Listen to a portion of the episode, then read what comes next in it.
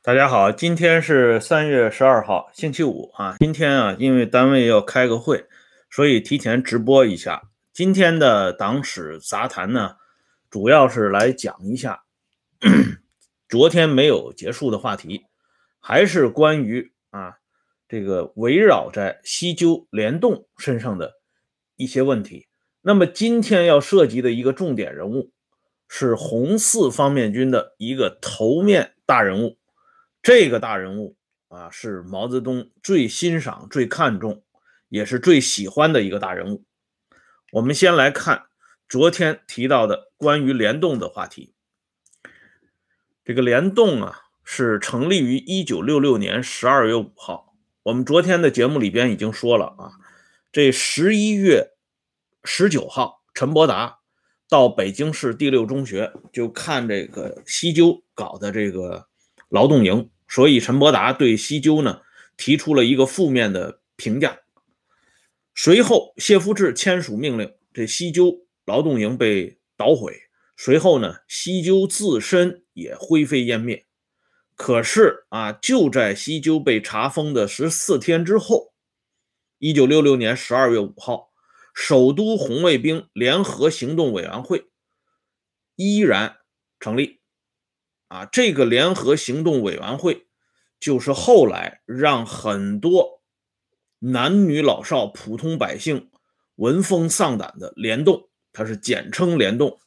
这个组织很厉害啊，曾经啊在北京大街小巷那是耀武扬威啊，很多上了年纪的人，今天啊七十岁左右的年龄的这北京老百姓都还能够记忆犹新。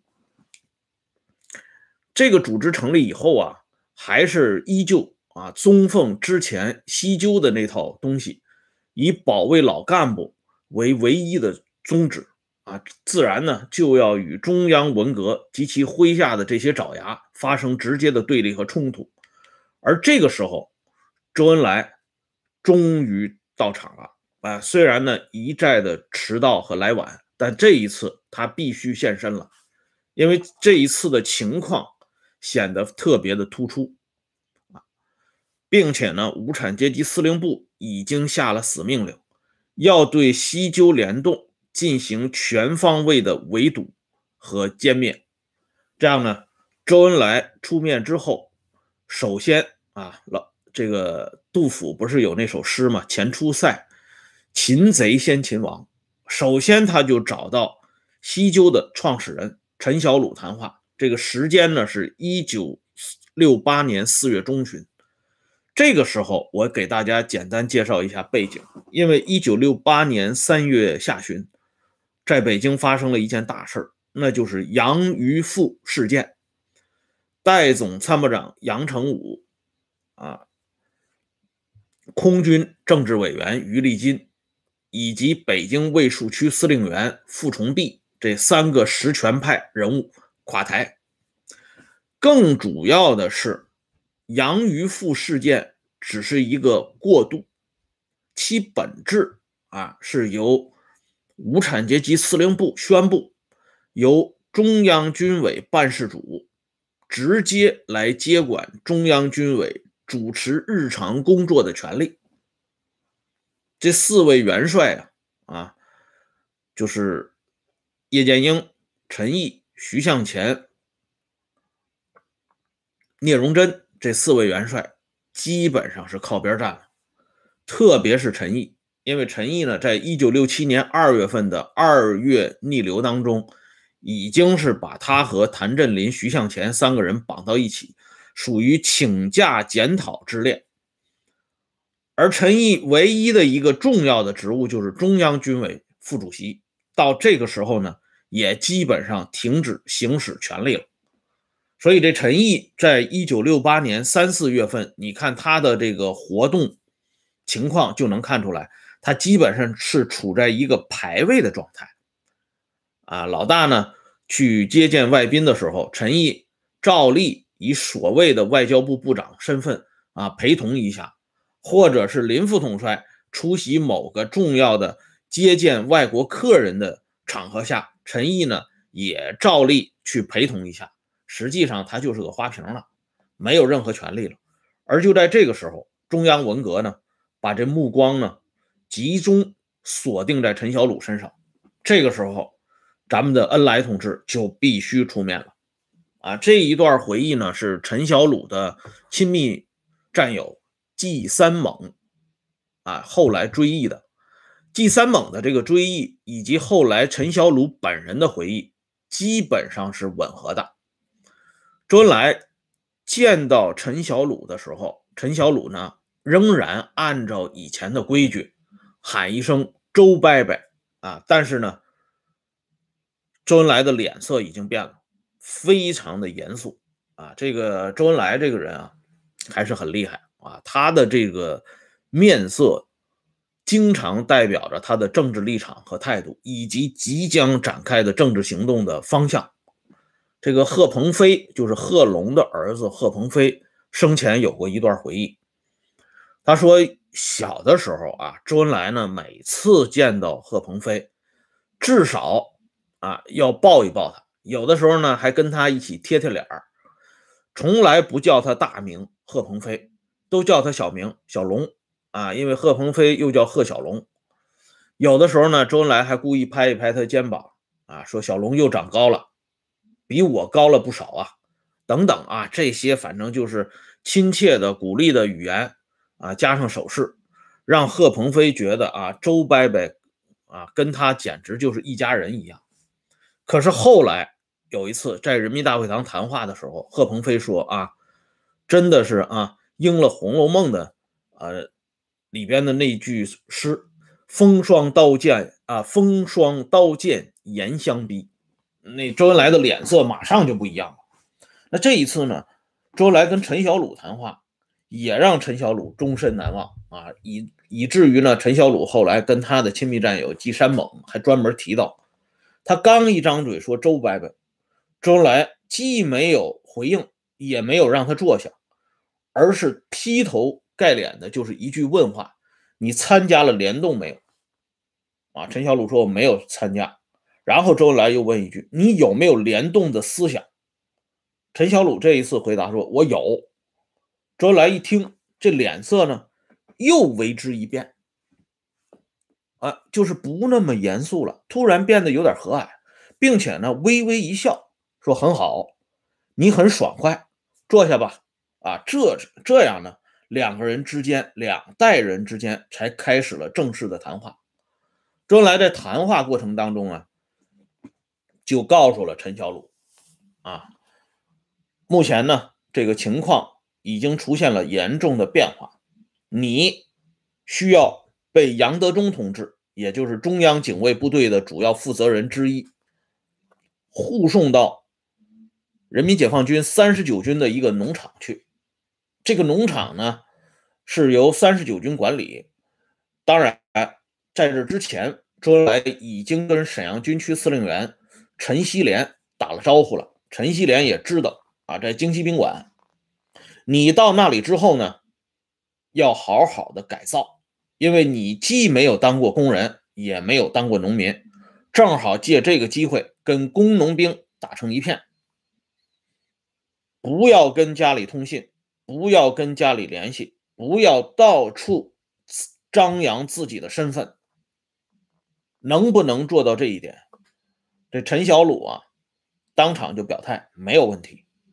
啊，周恩来看到陈小鲁又是非常爽快的答应了他提出的几乎全部的条件之后，就在转身的一刹那，周恩来突然问了陈小鲁一句：“啊，就是说你的那个肝病。”好了没有？这个时候，陈小鲁啊，从那种非常紧张啊、非常难过又非常奇怪的那种心态当中，一下子涌起一丝丝的感动。他没想到啊，这么一个日理万机、宵衣干食、朝前夕替的大国总理，特别是这一九六六年五月十六号以来啊，这国家呀，很多事情。乱的是一塌糊涂，周恩来一个人啊，要承担多少人的工作？在这种情况下，周恩来居然还惦记他这么一个小字辈儿的身体状况，因为周恩来知道啊，陈小鲁以前呢啊肝儿不太好，这闹过这方面的毛病。可是就在这种紧张的情况下，周恩来居然还能够转过身来问一句陈小鲁身体情况，这陈小鲁啊，差一点掉眼泪啊！他自己多少年之后啊，对这个来访者回忆这段往事的时候，还一定说一下周恩来对他的这句提问啊！当然了，陈小鲁表示没有问题，身体没有问题。这样呢？周恩来握了握他的手，两个人呢，就算是告别了。万幸的是啊，恩来同志就是陈小鲁的周伯伯，没有跟陈小鲁说那最关键的话啊。秋天我去接你啊。看来呢，陈小鲁最后能够劫后余生，也跟周伯伯没有说这句话有直接的关系。我们再往下看啊，这下边呢，陈小鲁到了三十九军之后。啊，在农场工作啊，以前我一个老朋友啊，他也是三十九军的，他的政治处主任啊，就是他的老领导，那个时候呢是负责监督陈小鲁的啊，所以他的老领导呢给他讲了不少关于陈小鲁在三十九军农场的一些往事。今天呢，因为咱们的重点话题不是聊这个陈小鲁在三十九军，所以呢，啊，这里呢我就简单给大家说一下，当时啊。这个三十九军呢，是接到上级的命令，对这个北京来的这个小战士呢，要进行特殊的照顾。呃，这个特殊照顾呢，分两层意思，一层呢是要对他的安全啊做一个重要的保证，另外一方面要对他的行动举止进行严密的关注。啊，他们这个农场里边呢，是有专门一个指定的一个。啊，他们叫勤奋战士。什么叫勤奋战士？就是特别喜欢打小汇报的那种战士啊。他们叫勤奋战士。指定一名勤奋战士，专门啊拿一个红皮儿的笔记本，记录陈小鲁每天都去了什么地方，他干了什么，甚至啊他去几次啊厕所都有记录。啊，这个事儿呢，如果不是当事人回忆，我们老百姓之间根本不知道曾经发生过这样一件事情。我相信啊，陈小鲁本人也未必知道的这么清楚，因为后来这个勤奋战士呢，啊，下落不明了，啊，没有人知道这个勤奋战士啊，最后去什么地方了，包括这个口述回忆的这个政治处主任，他也不知道。陈小鲁这个时候呢，到了三十九军之后啊，他呢要提干，要入党，都不行，没有人回忆回应。啊，上级呃领导呢对陈小鲁总体的表现还是满意的，因为陈小鲁也知道自己的身份跟当初的这个西纠联动时代已经完全不同了，这属于落架的凤凰不如鸡，所以呢这尾巴必须夹紧了。可是就他这么表现，这入党提干跟他也没关系。啊，陈小鲁还很守规矩啊，没有跟家里呃。产生任何的联系。后来啊，终于有这个机会，这陈小鲁呢，回到北京了，又一次见到了周恩来。他就跟这个周恩来啊提出来，就是说他这个入党啊、提干呢，都没有人回应。周恩来首先肯定了陈小鲁信守承诺。当初啊，在找陈小鲁谈话的时候，陈小鲁答应的那些条件，他都做到了。对于陈小鲁不能入党和提干，周恩来表示气愤。啊，这脸色呢又严严肃起来。周恩来非常生气啊。据这个季山猛回忆啊，周恩来说：“谁规定你不能参军？谁规定啊你不能提干呢？”你完全可以参军，完全可以提干。我已经告诉他们了，不论是谁，只要够标准就可以。这样的事情还需要请示吗？啊，这陈小鲁呢，后来就回忆，他说，七零年三月，陈小鲁啊正式入伍，后来又入了党。这里呢，陈小鲁说的这么句话很有意思啊，就是他当时到三十九军农场的时候，他还不算是人民解放军正式一员，只有到了七零年三月份才正式入伍。哎，后来呢又入了党。到了一九七一年，陈伯达垮台。呃，一九七一年五月份的时候，批判陈伯达整风运动在北京召开。这个时候，一个重要人物。啊，又出现了周恩来，他安排了两个人的见面，啊，这是很有意思的一件事情啊。咱们的恩来同志呢，经常来晚，但是呢，从来没有缺席啊。这个重要人物呢，就是当时的沈阳军区司令员陈锡联。陈锡联在批陈整风会议上表现很好。这批陈整风会议上呢，原本是没安排陈毅出席，因为庐山会议上最后一次庐山会议上批判陈毅是二陈合流，说陈毅和陈伯达是两个人穿一条腿裤子还嫌肥啊，这是来自于无产阶级司令部的声音。但是呢，经过恩来同志的安排，这陈锡联呢就一下子见到了很长时间没见到的陈陈毅陈老总。陈锡联这个人很厉害啊，他主动去跟陈毅打招呼，显得非常的热情。